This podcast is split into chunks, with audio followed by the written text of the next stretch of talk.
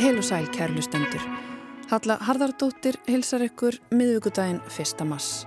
Í þætti dagsins óbærilegur léttleiki knattspyrnunar, reypi í norrætni samtímamenningu og ímyndunarablið. Hönnunarvikan í Stokkólmi fer fram í februar ár hvert og er einn af hápunktum ársins í heimi hönnunar. Íslenskir hönnuðir kynntu þar áhugavert verkefni þetta sinn sem enn er til sínis í Stokkólmi verk sem að kallast Knowing the Ropes eða öllum hnútum kunnug.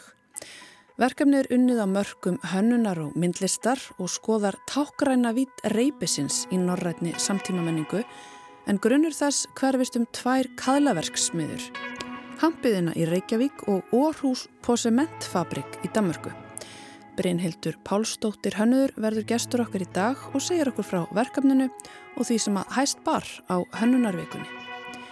Og Freyja Þórsdóttir flytur sinn þriðja pistil á heimsbyggilegum nótum að þessu sinni fjallar hún um ímyndunarablið sem okkar merkilegustu og hættulegustu gjöf og hvaða áhrif það hefur á merkingabær tengslokkar við umheiminn. En við byrjum þáttin í dag í leikúsinu. Leikópurinn Alltaf í boltanum stendur að síningunni óbærlegur léttleiki knatsbyrnunar sem frumsýnd verður í Tjarnarbíói annað kvöld Verkið skegnist inn í hvernig ennskir knatsbyrnuleikir krytta líf fjögura íslenskra karlmanna.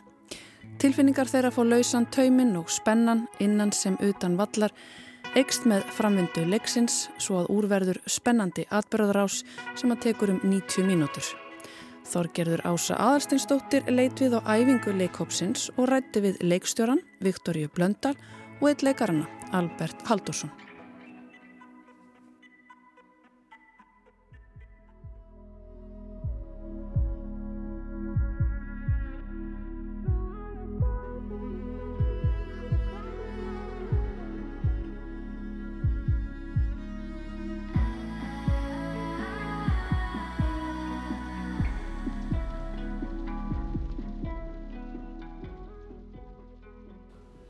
Já, það sem við kannski viljum með þessari síningu þá viljum við fá sérstaklega þá karlmenn um, sem að hafa þurft að fara á margar síningar með einkonum sínum eða kærustum og ekki fundist sérstaklega skemmtilegt að fara í leikhús. Við viljum fá þá á þessa síningu og við viljum fá að, að þeir koma á þessa síningu og drægi kærustunar og, og konunar sínar með mm -hmm. á þessa síningu að því á þessari síningu þá fá þeir eitthvað fyrir sinn snúð. Þá fá allir eitthvað fyrir sinn snúð. Já, algjörlega. Mm -hmm. Spurning hvort þetta hafi verið hendi á Trent Alexander? En uh, var sjálfsög neitt þeir eru þetta að skoða þetta. Snillingarnir í Stockholm Park United menn taka miðuna og uppbúttutímin er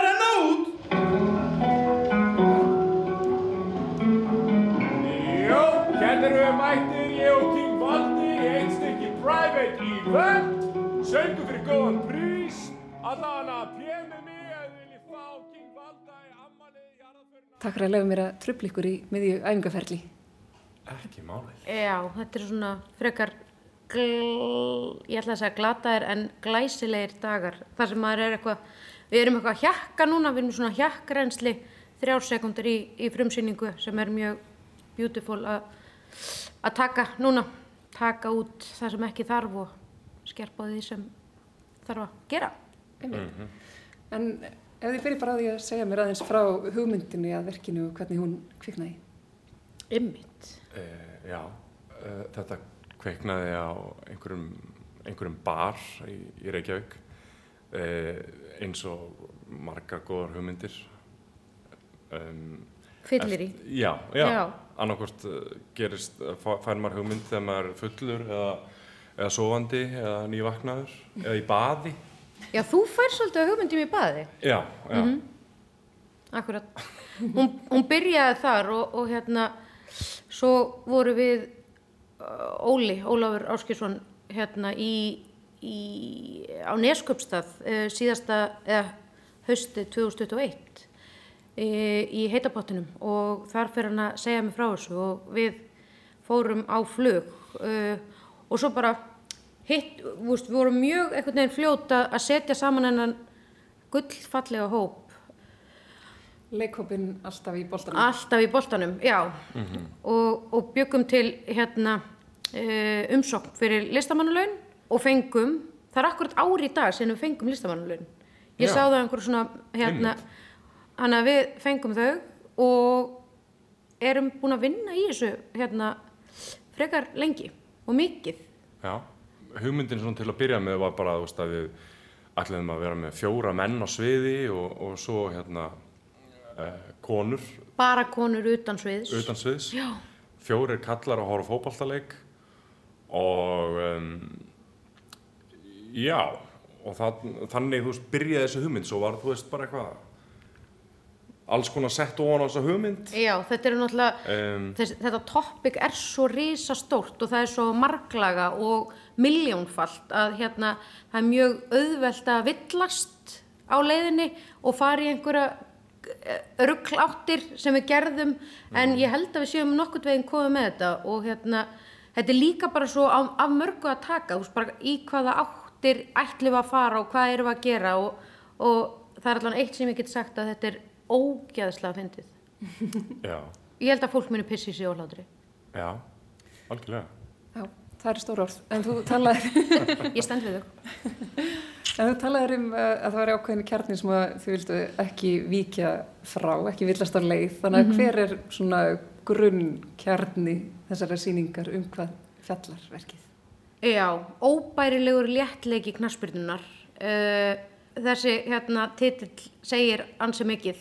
Þetta, þetta náttúrulega getur, eh, 90 minna fótballtalegur getur haft þau áhrif að fólk uh, uh, bara missir tökin á, á lífinu og, og en þetta er líka, mér varst mjög fallegt þegar einhver, ég man ekki hver það var í hópnum, hvort það varst ekki bara þú Albert, að þetta verður svona 90 mínútur þar sem þú fær bara frípassa frá lífinu. Þú, fær, þú þarft ekki að hugsa um börn, þú þarft ekki að pæla í skuldunum þínum eða hundurinn þarf ekki að pissa og þú veist, þú ert bara, þú ert bara 90 minna fríi. Og það er það er bara í þessu risa samfélagi og hraða samfélagi sem við búum í að þá setja bara frípassi og bara leifi bara, já vinnu minn njóttu leik, leiksins. Veist og bara þú, þú standir þarna eða sitir og horfir. Já, og svo hefur þetta líka þessi fótballtaleikur, eða bara allir fótballtaleiki sem maður horfir á, það hefur alveg rosalega mikil áhrif, svona tilfinningarlega áhrif á mann. Og við erum líka svolítið, veist, að fara að fjalla við erum líka, já, að fjalla um það í verkinu.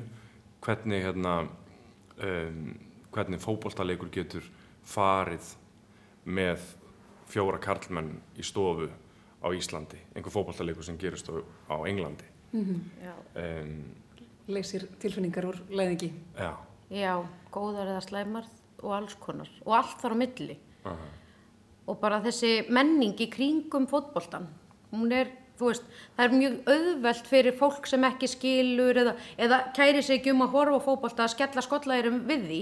En þetta er bara raunverulega líf mjög margara og þú veist, þetta er bara og allir í pródusjóninni hafa fótbolta streng og fótbolta hjarta þannig að e, þú veist, við erum ekki að við erum ekki að st- standa og hlæja eitthvað, þið eru lúðar að horfa svona mikið á fótbolta og lifa ykkur svona inn í þetta, þú veist, ég og Óli við horfum alltaf að leiki saman.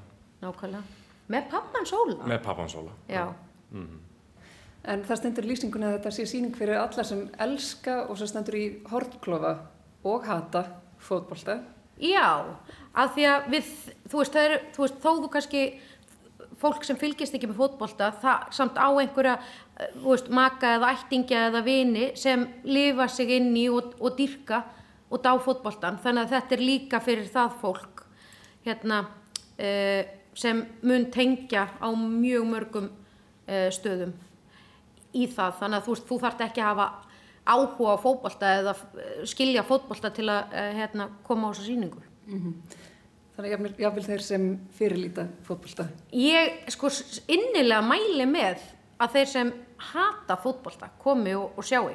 því að svona rauði þráðurinn gegnum verkið er kannski ekki um fótbolta Kemur fram í verkinu hvaða lið er að spila. já, þetta er stór leikur Stórleikur. eru samt ekki, flestir leikir eru stóri, mér hefur svona heyrst það utan að mér, eða þú veist, fólk er svona að þessi, að þetta er heilvíti stór leikur og maður er eitthvað, býtu, var ekki stór leikur hann í ge... Nei, já, já, nei, ég er eitthvað meðskilega, já, ok. En þetta, já, það er stór leikur. Erki fjendur. Já. Já. Þetta, já, þetta er Manju Liverpool leikur sem við fáum að fylgjast með en við förum líka aftur í, aftur í tíman og sá, sjáum hérna uh, bæinn munn hérna Manchester uh, árið 1900 ha, Ha, já. Árið 1999 Úslitaleikur, já, meistaröldinni. akkurat. En svo er Liverpool Man United núna á sunnudaginn, alvöru leikurinn. við verðum að horfa á hann. Já, við erum á hann. við verðum að gera það, þá förum við í menningarferð á Amerikan sko það er búið að tala um Amerikan bar, bara frá byrjun þessa ferlis. Og ég hef ekki einu sinni ég hef ekki farið á Amerikan þannig að mér finnst að ég ætti að fara þangað á lög, sundag Já, það er bara, Bara mjög, mjög gaman að vera á Amerikan bara að horfa á leikinn, sko. Og, en það ég held að það sé skemmtilegra að koma í tjarnabíó og horfa á þetta leikrit en að fara á Amerikan bar og horfa leik- á fótballtaleik. Þó að það sé líka skemmtilegt. já, En uh, þeir sagði að hugmyndin sprettur og út frá, já, verður til á einhverju djami um að búa til leikrit um fjóra menn sem eru að horfa á fótbolta Já. og verða svo karakterinir til af sjálfur sér eða eru þeir byggðir á ykkar personum eða Sko, til, fólki úr ykkar líf, lífi? já, til að byrja með, þá ætlum við svolítið að reyna að búa til einhvers konar svona alter ego af sjálfum okkar. Uh, Valdimar er til dæmis að leik, leika svona alter ego típa af sjálfum sér. um, en svo ákveðum við að fara frá því og Valdi væri bara einn eftir sem hann sjálfur innan gesalapa um, og við byrjum að spinna svolítið með þessa karaktera um, út í sveit, rétt hjá Akureyri. Já, í haust fórum við í, í, í workshop uh, hérna í Eyjafjörðin uh, og þar tókum við svona uh, spuna og, og alls konar spinn á þessa karaktera. Og þeir urðu til nokkuð auðveldlega. Já, Þetta eru náttúrulega samsett úr okkar lífi og karakteru sem við þekkjum og svo náttúrulega, þetta er alveg smábyggt á ykkur, já eða hvað? já. Nei, eða Nei, já, já, svona smá, pínu, stundum. kannski Og eru þá svona karl, karlmennsku hugmyndir í því að Þú þið... veit að erum við að, þú veist, er þetta einhver, hérna, er, erum við að velta upp einhverjum hugmyndum um karlmennsku þegar við tölum um fótbolta? Já. og tölum um fjóra karlmenn á sviði Já, en þetta eru náttúrulega, þetta eru náttúrulega fimm karlmenn á sviði. Já, já, Já, Eh, og, með, og bara konur utan sviðs. Já, þannig að það já. Hlýtur að vera einhver sögn í því? eða- Jú, það, ég held að fáir hefðu, eða þú veist, áhuga á að koma og horfa á, no offense Albert, að uh, fimm kallmenn hérna á sviði og það hefðu bara verið kallmenn sem byggu sýninguna til. Það er mjög eins, þú veist, það er bara eitt lag af lífi og, og hugmyndum.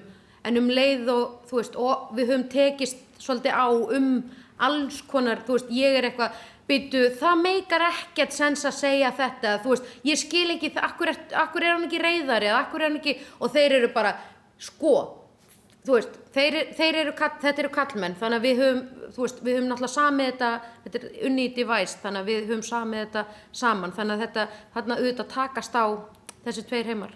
Eh, og, og það meikar ekkert sens að þessi sýning hefði verið styrt af kallmennum líka sko Einmitt. Nú langar mig að spyrja hvort það hafi komið upp einhver sérstök ágreiningsmál að við vinslu verksins.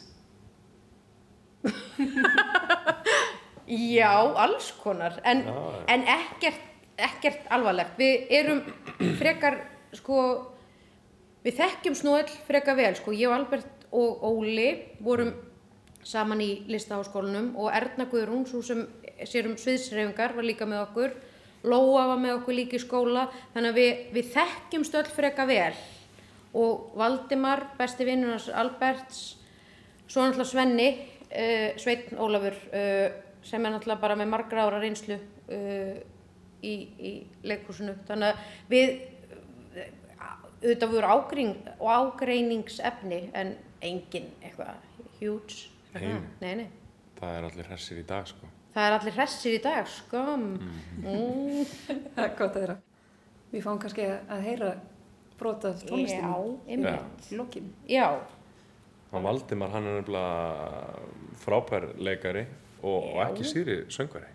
og dansari, hann er svo frábær, hann er sko svo frábær múver. Þú veist, hann hefur þetta svona í sér, bara, hann er svo, uh, eins og hann var líst hérna um daginn þegar við tókum, við áttum dag hérna um daginn þar sem sko ég gæti ekki staðið í lappirnar af hlátri, þú veist, og það bara, þetta var fyndnasti dagur í heimi, þar sem Valdimar var eins og mikki refur. Hann skottaðist um svið, þetta var bara, ok, sá dagur var geggjaður, hann var æði, hann var ógislega fyndin. Uh, þannig að, já, við, það, það, þið fáið að sjá nýjar hliðar á, á þessum mönnum á sviðinu. En já, þetta er búin að vera mjög skemmtilegt ferli og ég held að það er bara svona endur speiklist í sýningunni sem að fólk á eftir að sjá, sko. Já, Uh, fjórir glaði leikarar, uh, fimm glaði leikarar afsakið. Reyndar ástæðan fyrir því að ég gleymi alltaf honum starkaði er vegna þess að, að hann er hérna, er uh, lýserinn eða, eða þölurinn og við erum aldrei í neinum svona beinum samskiptum við hann. Hann er alltaf svona fyrir ofan okkur. já. Er hann þá... En stjórnar öllu, stjórnar leiknum, stjórnar Algjörlega. heiminum. Þannig lýsir hann þá bæði fótballtareiknum sem þið eru að horfa á og kannski einhverju fleiri. Stof, já, hver veit, ég segi ekki meir. Ég ætla ekki að ræna meiri dýrmættum æfingatíma af ykkur. Takk hjá fyrir spjallið. Takk fyrir okkur. Takk sem les. Eða bara whatever, allan að peace.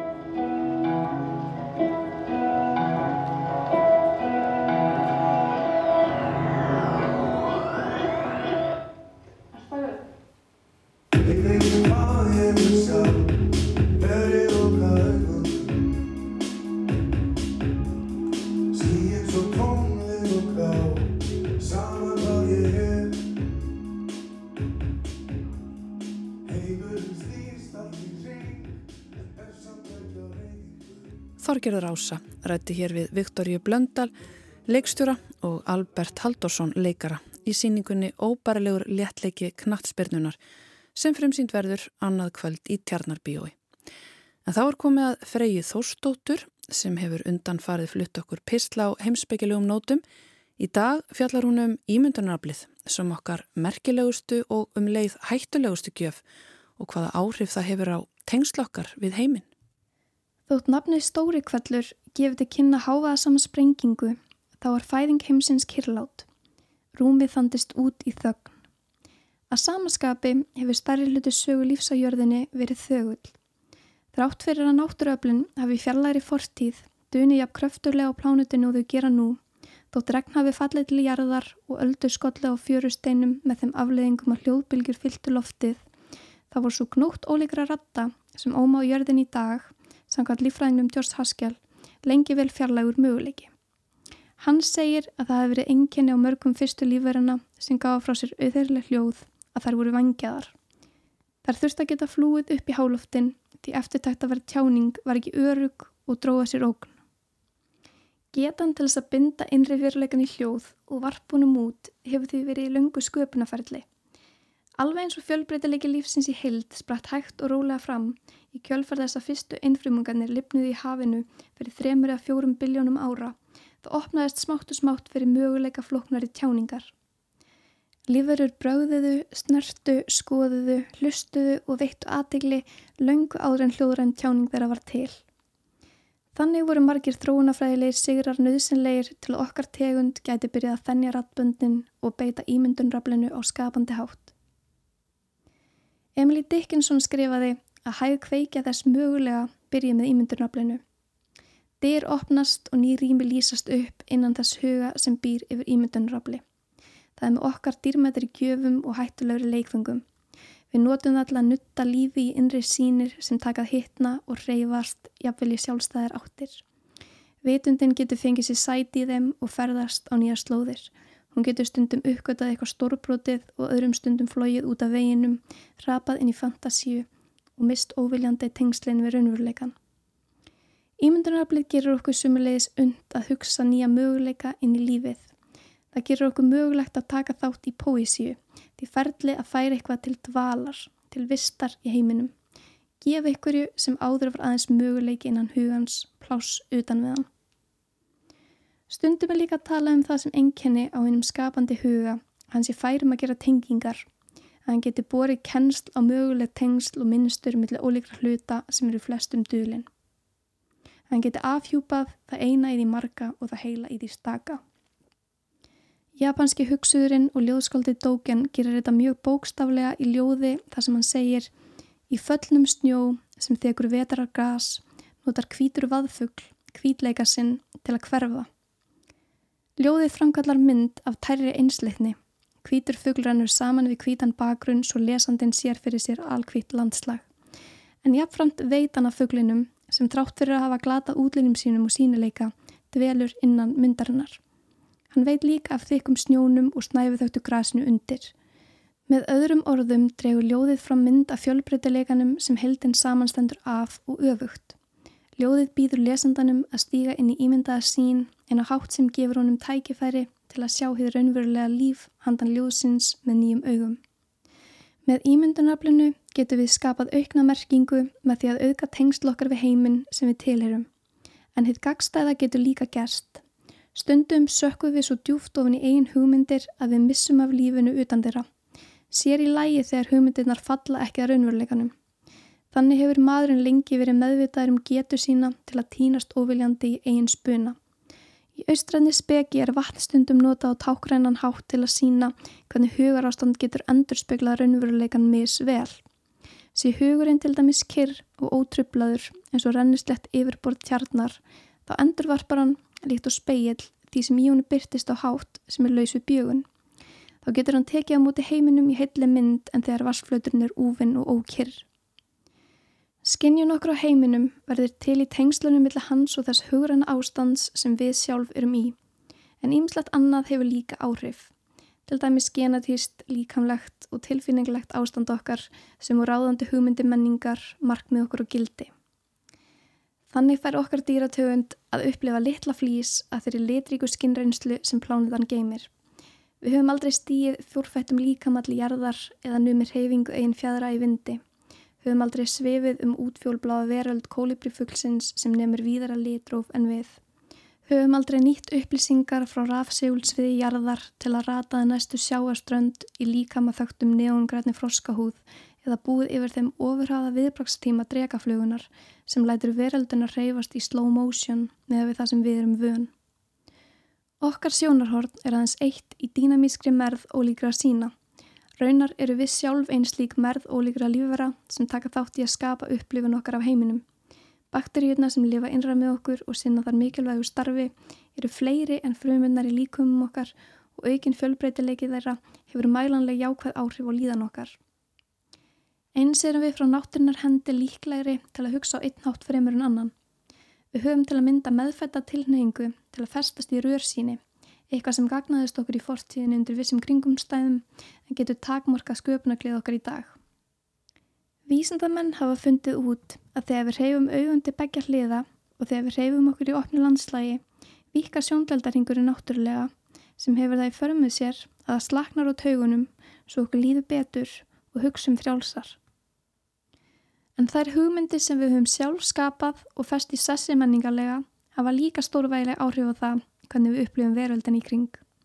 Á hverjum tíma er til staðar viðtekinn heimsín Nútíminn enginnist til dæmis af efnishyggju og einstaklingshyggju. Við lífum enn við endurum þeirrar heimsínar sem vísindabildingin leiti á sér. Með henni var náttúrann vjálræn og guðlaus. Hún breytist í dögt efni og tilvistaleg tómíkja tók yfir. Það er að segja hugmyndin um merkingarleysi tilverunar. Maðurinn skildi sig frá náttúrinni og andleg gildi og sín mistu áhrifamátt sem samfélagslegt saminningarafl. Í dag verist einstaklingsækjan að vera búin að ná ákveðnum hápunti því okkar tímar eru sí oftar tengdir við narsisisma eða öfgafulla sjálfkvarfu og það tillitsleysi kakvart þörfum annara sem getur fyllt. Sem félagsverur með ríka þörf til að tilheyra speklu við okkur í ráðandi heimsmynd samfélagsins. Slík mynd gerur okkur fært að mæta hvort öðru á sameilum forsöndum og deila markmiðum. Hún hefur þannig áhrif á hvað einblínum á, hvað við síum út, hvernig við sjáum heiminn hvernig við mælum hvort annað út, hvernig við haugðum okkur. En vegna þess að ráðandi hugmyndir móta hegðun og þar með ástand heimsins breytast þær stundum í tilraunir sem má læra af. Því þegar ákveðin tími hefur liðið frá innreið þeirra inn í menningu fer að sjást í raunverulegar afleiðingar áhrifa þeirra. Kaltanislega hefur hugmyndin um okkur sem verur aðskildar náttúrunni og hugmyndin um hinn náttúrulega heim sem dögt efni leitt okkur til skilningsins um það að því gagstæða er raunin. Með því að koma fram við jörðina eins og líflaust efni, með því að meðtakana ekki með fullri aðtegli, með því að tínast í takmarkaðri sín, þá fóru við yfir unnveruleg mörg og breyttum heiminum efnislega. Þegar við notum skapandi hugsun okkar til að sjá minna en það sem raunverulegin geymir, þegar við sjáum lífuleysi þar sem líf er og tilfinningarleysi þar sem tilfinning er, þá nýtum við eina af okkar merkilegustu gjöfum til að skapa merkingaleysi. Við tengjumst á heiminum verð en það er lífurur sem undan okkur fóru og skinnjuði heiminn með engu nema vakandi aðtegli skáfu og lustun. Þegar við ímyndum okkur að samband okkar við umhverfi okkar sé ekki merkingaþrungið, færumst við út fyrir mörg veruleikans. Skýr byrtingamind þess tillitsleysis sem heimsín okkar hefur alið af sér er svo glötund í fræðilegs fjölbreytileika sem blasir við. Alveg eins og fjölbreytileiki örfera í meldingaveginum styrkir varnir líkamannskegg sjúkdómum, þá styrkir lífræðilegur fjölbreytileiki varnir vistkerfa gegn ógnum á borð við öfgar í veðri og sjúkdóma auk þess sem hann er forsenda þess að líf þrýfist á jörðinni almennt. Í þekktri útgáfu af góðsögninni um Narkissos er því líst hvernig þið fríða ungmenni ráfaði um skó veitandi engum í umhverfunu aðtegli. Hann uppgötaði loks einn speilmynd í lind djúft í skójunum. Hrifningin var slík að hann gati ekki slitið augun af myndinni með þeim afleggingum að hann týndi lífinu. Hans eigin eftirmynd fyllt upp í sjónsviðið svo ekkert annað komst fyrir. Augun reyðist ekki upp og ekki niður og ekki til hlýðar, heldur læstu stauruðar sín sem síðaði út allt nefn hans eigin útlínur. Hann sá ekki gróðurinn kringu tjötnina eða fugglana speglast í vassflitinum, sá ekki liti og form annara lífvera bylgjast í fljótandi yfirborðinu, nam ekki fortið sína og flokna sögu forvera sinna djúft í vatninu. En með því að sjá bara sig, sá hann sig í raun ekki. Eins og líffræðingurinn Merlin Sheldrake og fleiri hafa sagt, þá er einstaklingurinn ekki til. Hann er ímyndun sem stennst ekki kröfur en urleikans. Við erum að stórum hluta gerð úr lífurum og við viðhaldum lífin og jörðinu aðeins með öðrum lífurum. Við getum mist hugmyndir, hárlokka, útlimi og útlínur og haldi velli, en þegar aðrar tegundi hverfa, þegar fjölbreytileiki lífsins hverfur, þá hverfum við sjálf. Saði Freyja Þórsdóttir sem flytur okkur þetta misserið pistla um lífið og tilveruna út frá heimsbyggi pælingum. En við skulum setja eitt lag á fónin áður en að Brynhildur Pálsdóttir hönnuður sest í hljóðstofu og segir frá hönnunarvikunni í Stokkólmi. Í dag er 1. mars og það er frekar lít í lofti, sennilega líður mörgum eins og það sé komið vor. Heyrum Billie Holiday, syngjum vorið.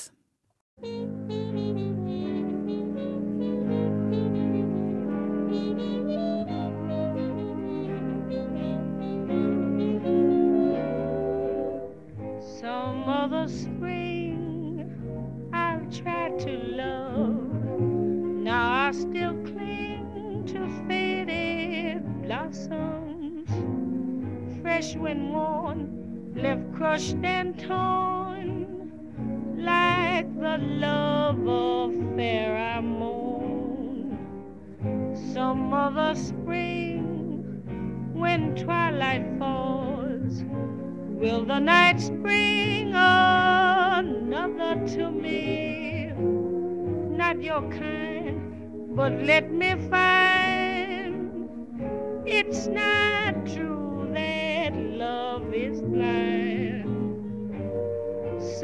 shines around me, but deep in my heart, it's cold as ice.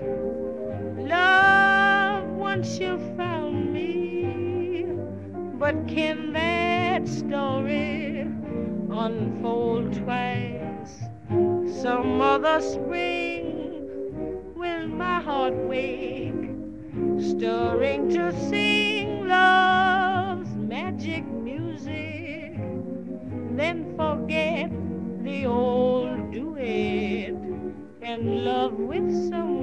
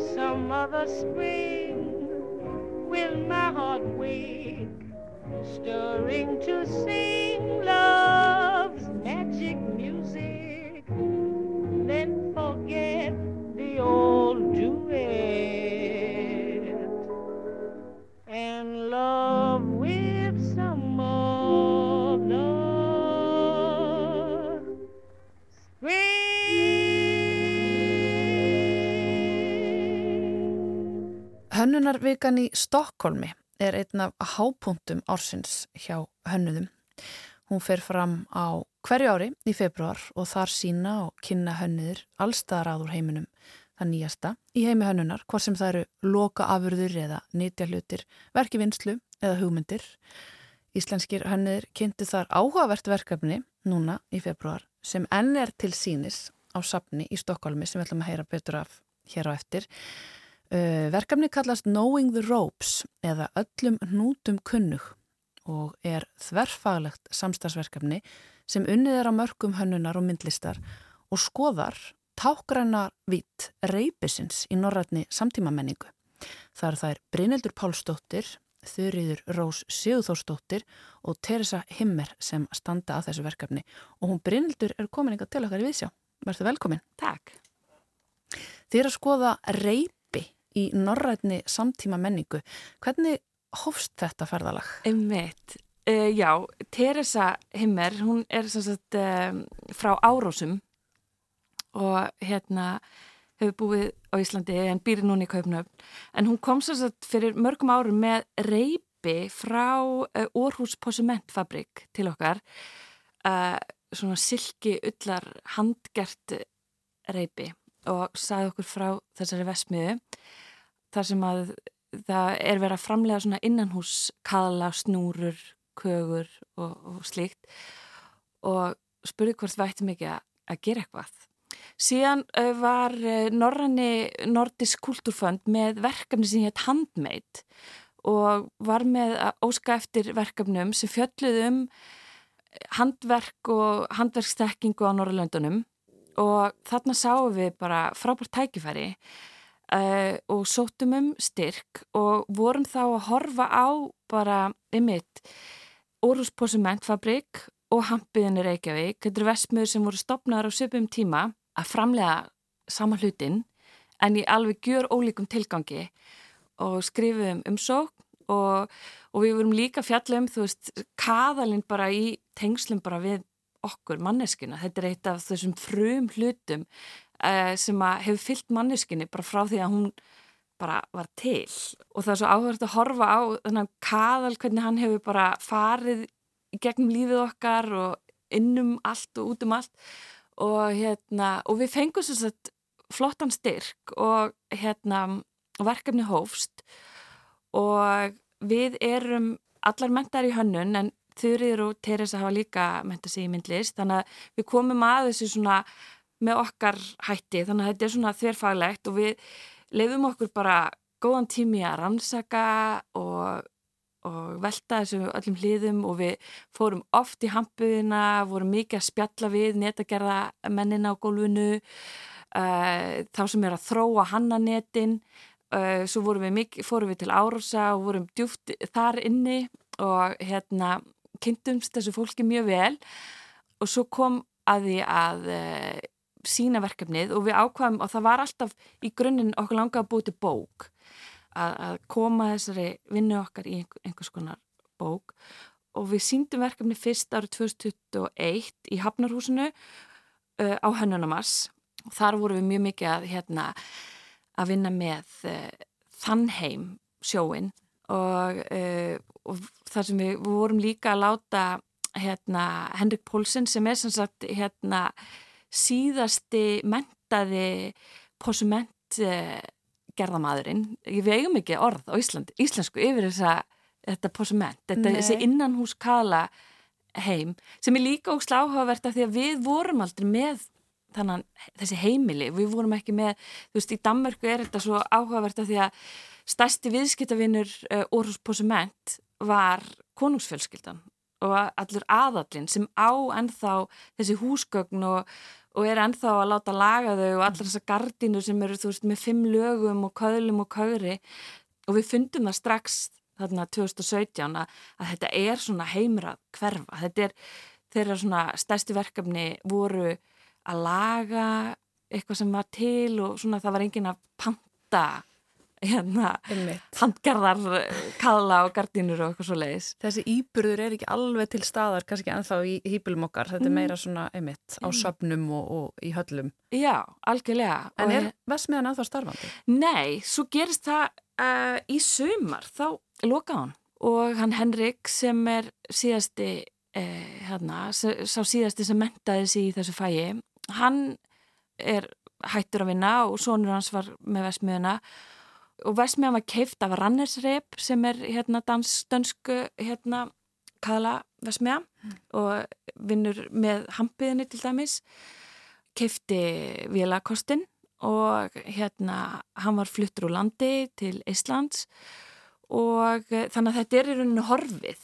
Mikil saga í þessu hvernig þetta fag hefur þróast við þetta. Já. Bara í takt við okkar þarfir og, og hvernig við höfum verið að hanna í gegnum tíðina. Algjörlega og sko, í, já, í fyrstu bókinni vorum við svolítið bara að horfa á hampiðan posument og, og þessi svona munur, þú veist, þessi funksjonal munur en samt þess að fallegu tengingar, þú veist, uh, en í, í, síðan gerist það að eftir að við síndum hana 2021 þá uh, fengum við bóðum að sína í, í Halvilska safninu í Stokkólmi og hérna sem er svona frosið heimili og það var í rauninni draumurinn að fá að fara inn í þannan heim sem að posument, þannan posument heim einhvern veginn. Er þetta þá heimili svona viktorianst? Já, já, og þetta er ótrúlega hérna, merkileg saga.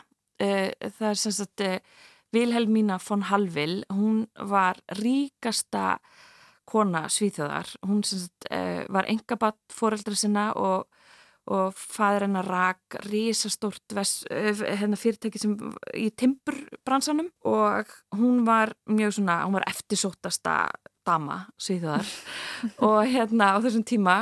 En hún, hérna, en foreldrinnar voru svona píndan ekki í neitt hjónaband og hún fann engan og, og hérna, en svo gerist það að hún finnur svissnarskan fyrsta og þau giftast og flyttir til Svíþjóðar, eða hann flyttir til Stokkólms og en hún einhvern veginn, hann tekur við fyrirtækinu hún einhvern veginn hafði aldrei neitt hlutverk hún átti bara að vera rík kona. En hún hafði mikinn áhuga á söpnum og að sapna og hún elskaði söpn og hún elskaði líka framtíðina og nútíman og tæknina sem var að spretta fram rafmagnið. Og þau uh, voru að leia reysastóra íbúð uh, við strandvegin í, í Stokkólmi og henni langaði að leggja rafmagn inn í íbúðina. En eigandi íbúðina sagði bara ekki séans, ég vil ekki að þú eigðilegi veggina með einhverju, einhverju sem að mun ekkit verða, þetta er einhver bóla þetta rafmagn og svo bara hætti við svo ruggli og höldum áfram með kerti og olju en hún einhvern veginn, bara henni langaði að, að bara fara inn í nútíman og hérna, og þau fá lóð uh, í miðbór Stokkólms og byggja höll og hún er byggð í feneiskum stíl og hún er settið sem sagt þriðja húsið í Svíþjóð eh, það sem var sett rafmagn og það var rennandi vatn það voru liftur, það voru kallkerfi og þetta er bara, þetta er bara nútíminn þarna. Merkilegt og þessu hefur verið breytt í sapn. Já og hún sem sagt byggir þetta hús með þá hugmynd að þetta yrði að sapni. Já. Þannig að allt hennar líf snýrist um að skrásetja allar eigur sínar í eða svona katalóga þannig að hún vildi að uh, allt sem væri inn í húsinu, að, þú veist hver einasta teskeið er skráð og hún er varðveitt, yrði það að sapni fyrir framtíðina. Þannig að það er líka óslega áhugavert sko, hún, hún vildi veginn gefa framtíðinni allt sem hún átti, eða þú veist allt, alla hlutina en á þessum tíma ef við horfum á veist listasöguna og hönnunasöguna sérstaklega það voru svona, var mótinismin byrjar að læðast þannig fram, þetta er svona 1890 ég held að flytjinn 94 eða 1895 eitthvað svo leiðis og það voru fann, það var alveg byrjað að krauma nýjar hugmyndir uh, um, sem eru ekki sínlegar Nei, á þessu heimili samt. nei, En þetta heimili er uppfullt af til að mynda svona skraut köðlum Já. og íbörðumiklum gardinum og, og plussi. algjörlega og allar rafmaksljósakrónurnar hanga í Mhm. handgerðum pluss köðlum með kögri og dúskum Einmitt. þannig að hún var að fela rafmagnið í köðlum Akkurat, þetta er ekki eins og kom síðar að rafmagni fekk svona njóta sín og hönnunin bara að vera til staðar Nei, án skrauts. Nei, Einmitt. þannig að það er líka svona áhugavert að vera að stúdra hennan heim í Skandinavíu sem er svolítið svona ef við hugsaum um skandinaviska hönnun og arkitektur þá eru við bara bóðberar mótinismans, allt er allt er sínilegt, allt er upp á borðum, en þetta heimili er það alls ekki og allt er falið inn í, þú sérð valla slökkvarana, þeir eru sko úr við, það sem það er við, viðarpanill, þeir eru úr marmara það sem er marmari á veggjum. Þannig að allt er einhvern veginn falið og, og hérna og þetta var alveg draumur að stíga inn í þennan heim með hérna posiment kalana og, og einhvern veginn að, halda áfram með verkefnið þarna inni Einmitt. Þar hafið sínt afraksturinn. Já, við sem sagt tókum þessa objekta sem við gerðum fyrir hérna síningunni í Hafnarhúsinu þar sem við vorum að svona, svona fletta, einhvern veginn horfa á eh, húsgagni í Viktoríu heimilinu og svo svona tæki og tól hjá netagerðamennunum eða netagerðavestæðinu og byggum til svona struktúra eh, og við tókum þessa struktúra áfram en við klættum þá í textíl. En við erum ekki að setja við erum ekki að fela saumana. Við erum einhvern veginn að bólstrunnin fara að njóta sín, saumandinn fara að njóta sín af því að vesmiðan er hægt líka. Það var líka svolítið stór svona uh, fakti í all, öllu verkefninu að við höfum ekki lengur aðganga að vesmiðinni þannig að við einhvern veginn erum líka að tala um bara veginn. Einmitt, einmitt. En þó að Vesmiðan sé ekki til staðar núna þá auðvitað hefur hún haft áhrif á hönnunaferlið. Algjörlega, algjörlega Mhm. og við sem sagt uh, hérna, gerðum þessa struktúra með uh, litum bólstraða og, og, hérna, og netin eru ennþá svona til staðar sem við vorum með í, í hérna fyrsta hlutanum en svo bættum við við ljósum það eru svona kala ljós og það er uh, kala frá Rannersreip, nýju vesmiðinni sem kefti úr húsbósmenn Sem er nú í Íslandi. Já, já, þetta er svona eins og hampiðan, því að hampiðan er ekki að framlega en að kaðla í, á Íslandi, þeir eru bara að setja saman e, net. Einmitt, já, hampiðan er ekki að framlega hérna heima. Þetta er eitthvað, þetta er auðvitað fyrirtæki sem að allir kannast við en uh, ekki allir hafa kannski stíð inn í. Nei, Það er að gera það. ótrúlegt. Og kannski ekki allir heldur sem átt þess að á því að það er svo mikið handverk í gangi er ennþá. Já, algjörlega og það sem ég einhvern veginn bara, mér fannst ég bara fá eitthvað svona bara, vá, erum við ekki að grínast? Af því að sko, við erum eitthvað, við erum hérna sjávarútöðstjóðin og við veiðum og veiðum og veiðum.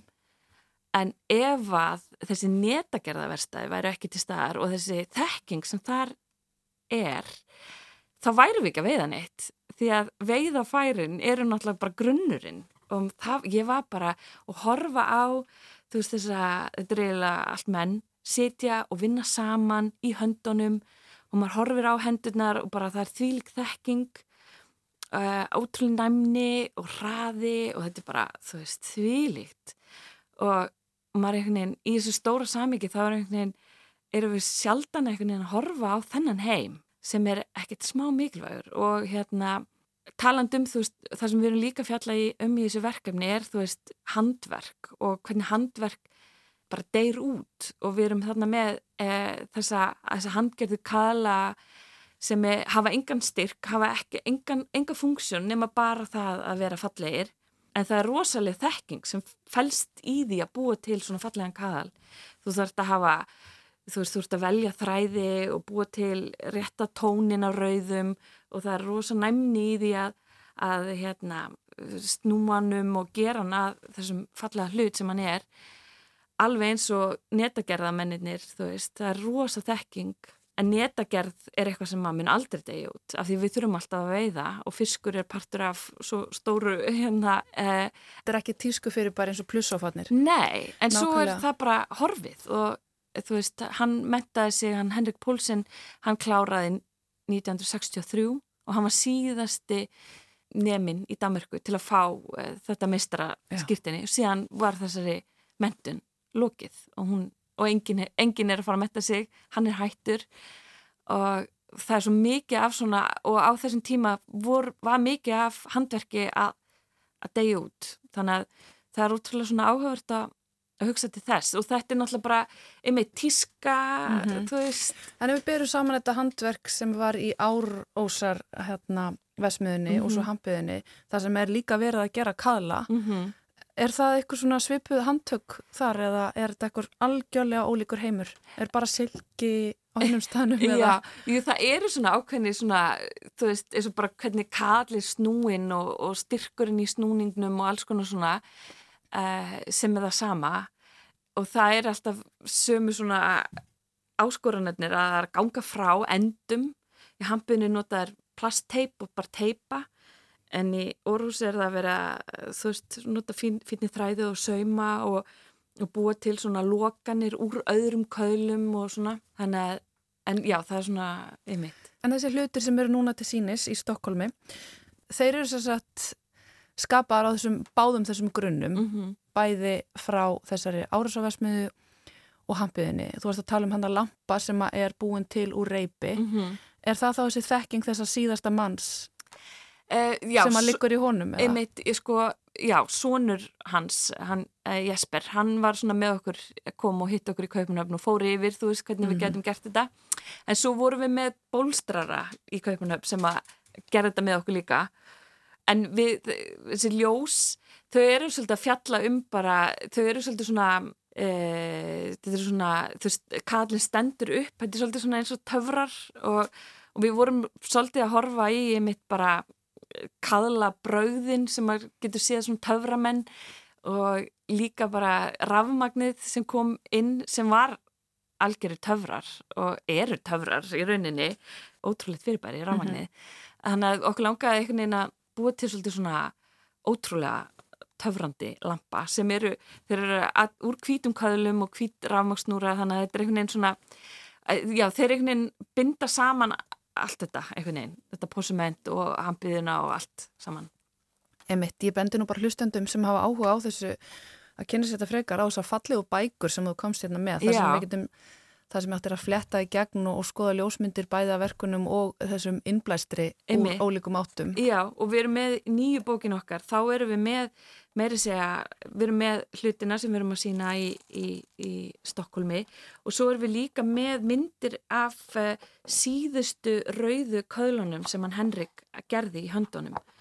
Við lítum Vigfús Birgisson taka myndir af þeim uh, hérna heima og þeir, þannig að maður sér svona hvað er mikið, mikið handverk í þessum handgerðu köðlum. Þetta er bara ótrúlegt listaverk Já, á að líta. einmitt.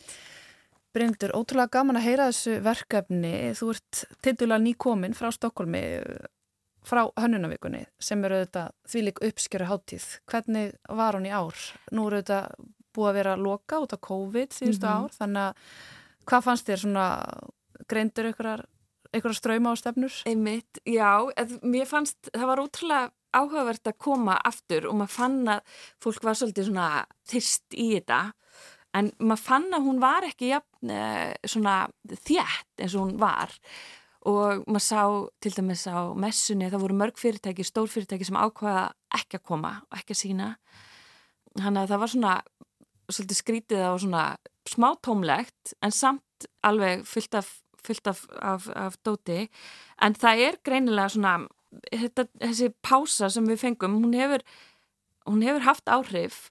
Uh, það sem mér fannst áhugavert það var svona lítil villa hlýðin á stóru messunni þar sem að hönnunagalleri og svona minni já, svona hönnunagalleri bæði frá Nóri, Danmörku og Svíþjóð sem voru að sína hluti og þá er þetta svona hlutir eftir hönniði og myndlistamenn og handverksfólk sem eru svona mörgum funksjón og ekki og, og hérna og eru kannski bara gerðir í einu eintæki eða nokkrum eintökum. Og ég, mér finnst þetta að vera útrúlega spennandi staður fyrir hönniði að að fara inn á af því að þarna er hægt að, og ég hugsaði bara, þetta er eitthvað sem að við getum gert svo vel hér, af því að þarna er verið að vinna bara með kannski litlum verstaðum, að búa bara til nokkra hluti og vera að gera tilrunir með efni, tilrunir með form, blanda saman og hérna og maður fann að þetta var svona það sem fólk talaði mest um. Einmitt svona afturkvarf kannski frá fjöldaframlislu Já. og meiri áherslu á handverk. Já, og, já, svona tilrunamennsku og, og hérna... Ólösa línur. Já, ég held að það sé, það er svolítið framtíðin að hérna, og þessi svona, já, þessi svona massa fjölda framleysla er, er hérna, er kannski svona eitthvað sem að við erum að fjarlægast, kannski. Kannski bara sem betur fer. Já, eiginlega. Brynildur, takk einlega fyrir að koma til okkar í vísjá og, og hérna segja okkur frá svo skemmtilega verkefni við bara fylgjumst með ykkur áfram. Endilega, takk. Og hér endur við þáttin í dag á þessu samtali um veiðarfæri og viktoriansk húsgögn og hnúta og reypi sem urðu innblástur að munum sem að nú standa í hálf feniskri höll í Stokkólmi sem var eins og fyrsta þar í borg sem ljómaði af ramagsbyrtu.